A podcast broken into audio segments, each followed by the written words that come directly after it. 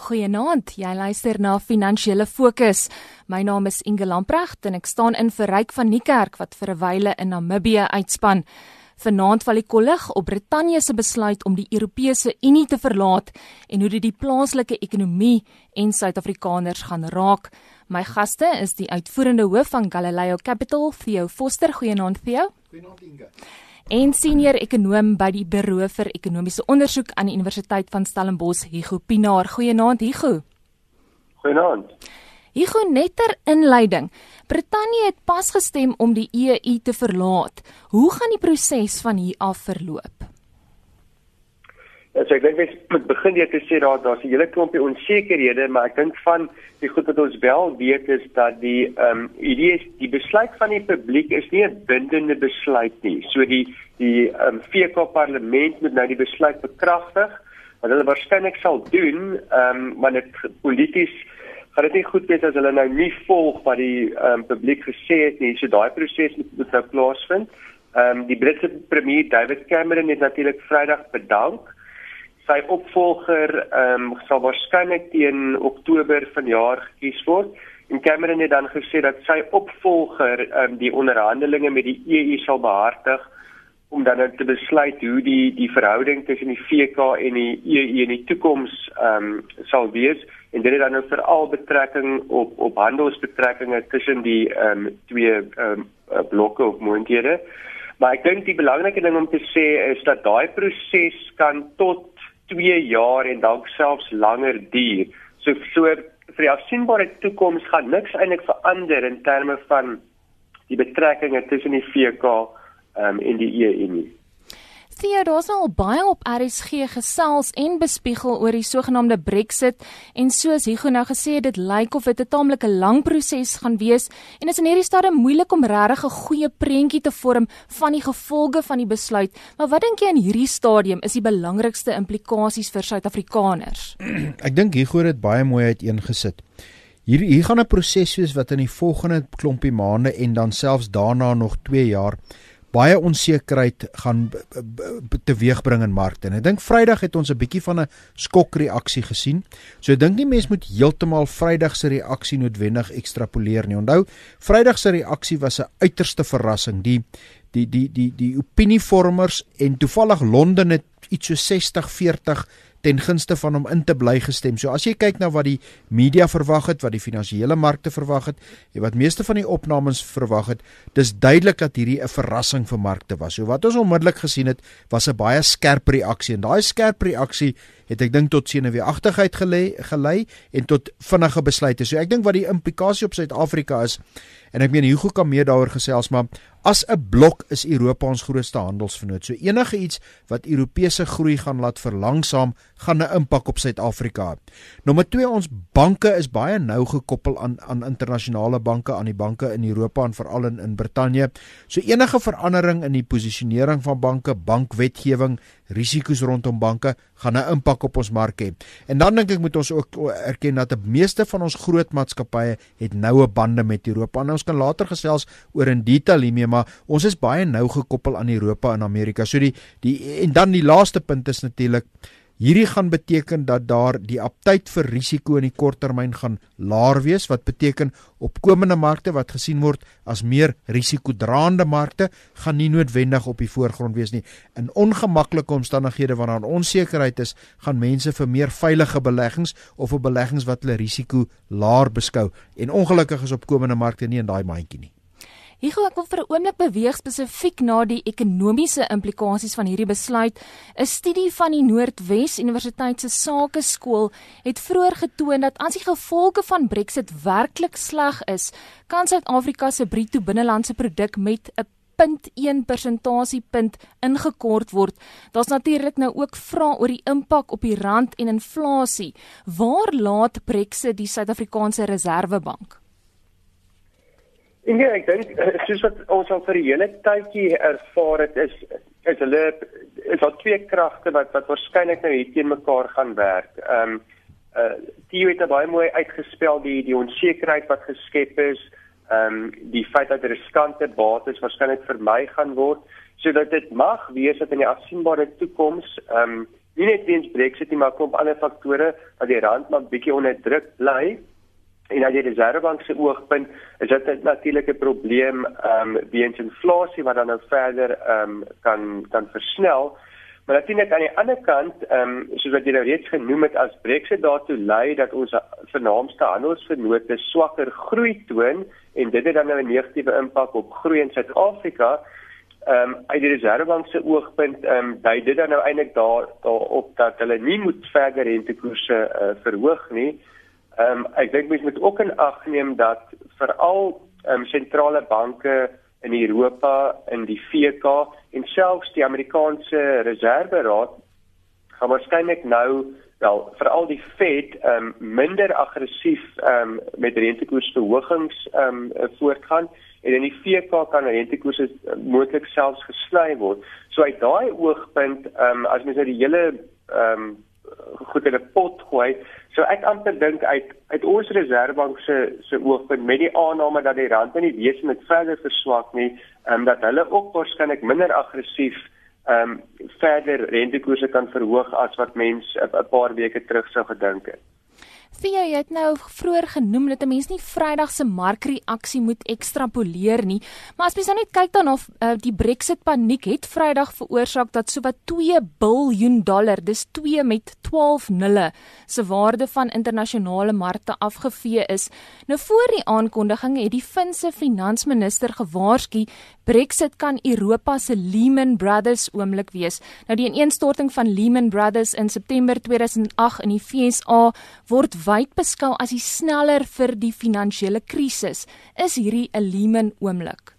Ek dink dis 'n belangrike oomblik, dink is 'n groot oomblik, maar om te sê dis 'n Lehman oomblik, aanvaar jy dat hier verdere uitval gaan wees op die finansiële kant. Nou, net om dit in perspektief te stel, die groot reaksie Vrydag wys vir jou die markte is onkant gevang. Daar's geen kwessie daaroor nie. Markte is onkant gevang.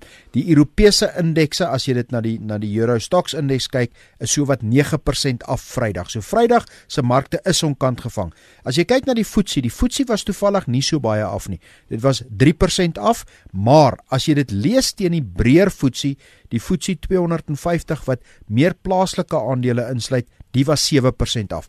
As jy byvoorbeeld kyk na 'n maatskappy soos Richemont, Richemont se prys word gemaak in Europa. Richemont se prys was Vrydag 3% af, maar in Swiss frank was Richemont se prys 7% af. So die maatskappye in Europa het werklik waar onder druk gekom. Ek dink wat jy moet onthou is dit het ook deurgespoel Vrydag aand in na die Amerikaanse markte. Maar toevallig hierdie hierdie wat nou hier gebeur het, die FTSE is nou af 3%. Nou sê waar hy was 7 dae gelede. So hy 3% geval hy's was waar hy was middel verlede week. Middel die week voor verlede week. So die punt wat ek dink ek maak is alhoewel dit groot bewegings in Vrydag is, ek dink die markte gaan 'n posisie posisie moet kry, maar ek dink oor hoofsee van gaan dit meer die onsekerheid wees as iets anders. Onthou, die Europese Unie is 'n 'n stel ooreenkomste wat reg deur die lidlande erken word.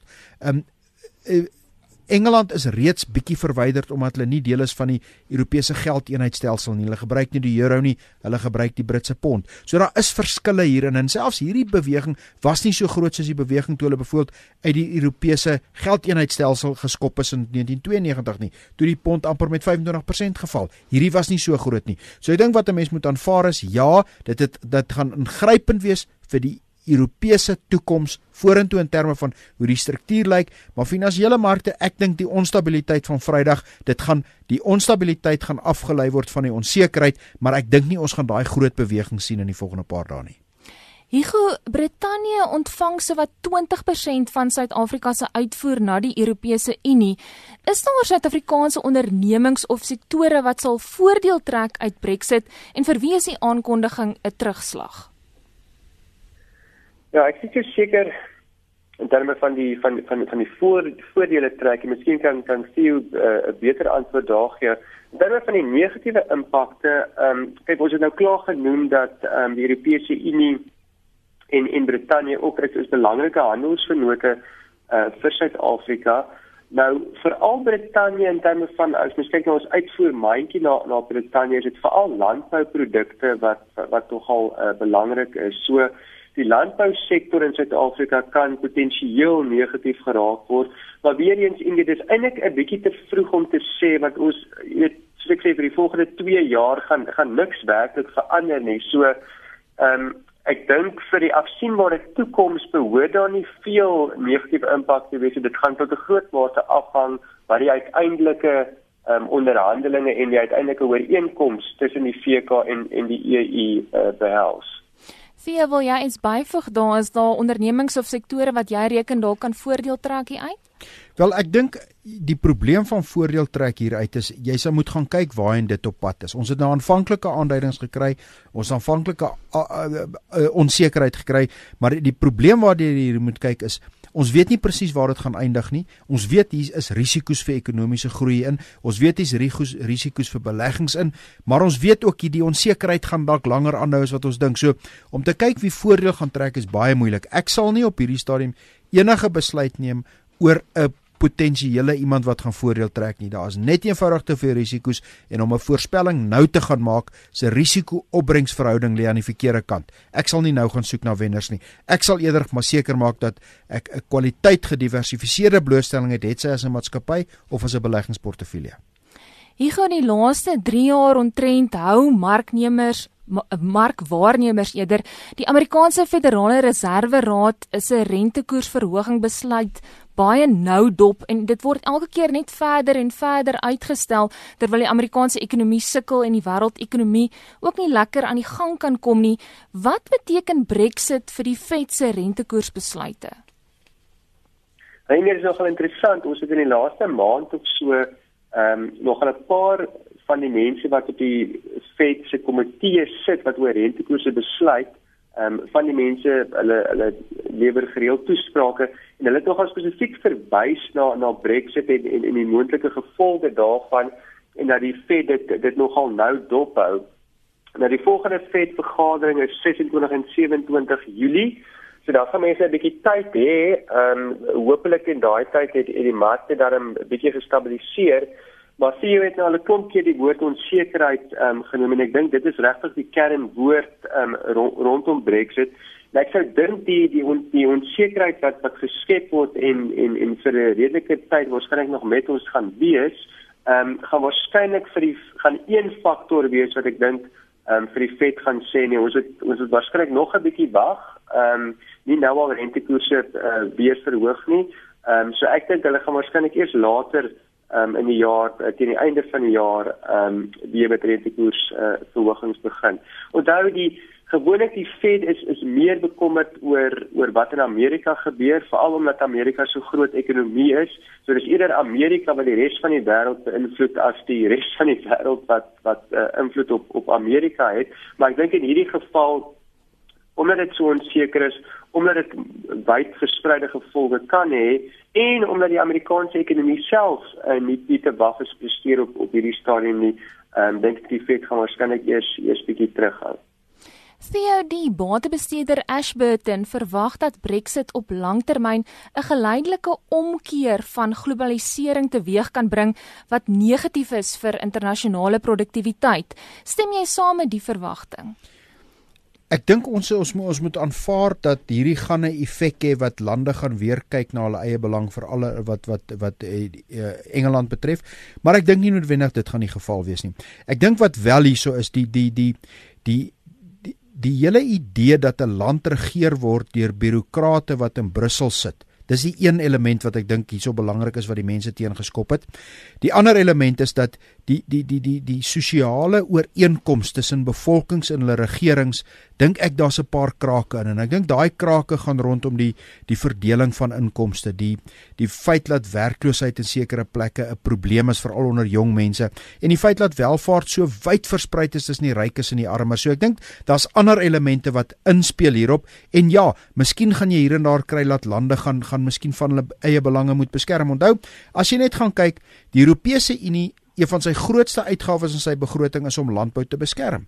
Hy hy betaal iets soos 48 miljard euros 'n jaar aan 'n klomp boere. Dit Engeland is een van die mense wat dit kry. Dis 970 miljard rand. Dis net net kort van ons totale belasting wat in 'n jaar ingesamel word word in Europa aan boere gee. Ek meen boere in Europa tussen 30 en 40% in baie gevalle selfs 50% van hulle inkomste kom van die owerheid af. So ons het reeds daai beskermende effekte. Dis nie noodwendig dat meer of minder gaan word nie. Hugo, 'n groot deel van die ekonomiese gesprek hierdie jaar het gedraai rondom skuldgraderingsagentskappe en hulle besluit rondom Suid-Afrika se skuldgradering. Nou vroeër die maand is dit na baie besprekings en bespiegelings op beleggingsgraad gehou. Is Brexit nou 'n verdere stok in die wiel van Suid-Afrika se pogings om sy beleggingsgraad status te behou? Ek dink enigiets wat wat 'n negatiewe impak op Suid-Afrika se groei vooruitsigte het, ehm um, kan 'n impak op ons kredietgradering hê want dit is baie duidelik die graderingsagentskappe behalwe wat ons met ons skuldvlakke doen, ehm um, is is die groei vooruitsigte en veral die mediumtermyn groei vooruitsigte van van besondere belang. Maar ek dink ehm um, ek dink nie seker Brexit op sigself ehm um, gaan 'n impak en ek dink dit is meer belangrik wat ons intern doen oor die volgende 6 tot tot tot 12 maande wat wat van meer uh, belang gaan wees. En hier verwys mens ehm um, na gebeure soos soos die Augustus ehm um, munisipale verkiesing, die verkiesing van die openbare beskerming, ehm um, gaan ons ehm um, weer wesenlike stakingspotensiaal hê in die tweede helfte van van die jaar en dan uh, van besondere belang ehm um, gaan mens meer daadwerklike uitkomste sien van hierdie gesprekke tussen die sake sektor en die regering waarvoor tot nou die kredietgraderingsagentskappe ons ek dink besondere uh, krediet voorgegee het vir iets wat wat dan nog nie regtig veel van van gekom het nie. So ek dink daai tipe van faktore gaan waarskynlik van groter belang wees as as wat in in Brittanje uh, aan die gebeur is. Ek stem 100 100% saam met Hugo. Brexit is een ding, dis baie belangriker dat ons ons groei in plek kry en dat ons nie afgegradeer word wat ons plaaslik doen. Brexit is baie lekker om te volg. Ja, dit speel in die pot, maar plaaslike ekonomiese groei en beleidsdeurvoering is 100 maal meer belangriker vir Suid-Afrika. Baie dankie Theo, dit was die uitvoerende hoof van Galileo Capital Theo Foster. Baie dankie ook aan senior ekonom by die Buro vir Ekonomiese Onderzoek Hugo Pinaar. Dit bring ons dan by die einde van vanaand se finansiële fokus. Ek hoop al ons luisteraars het 'n baie voorspoedige week.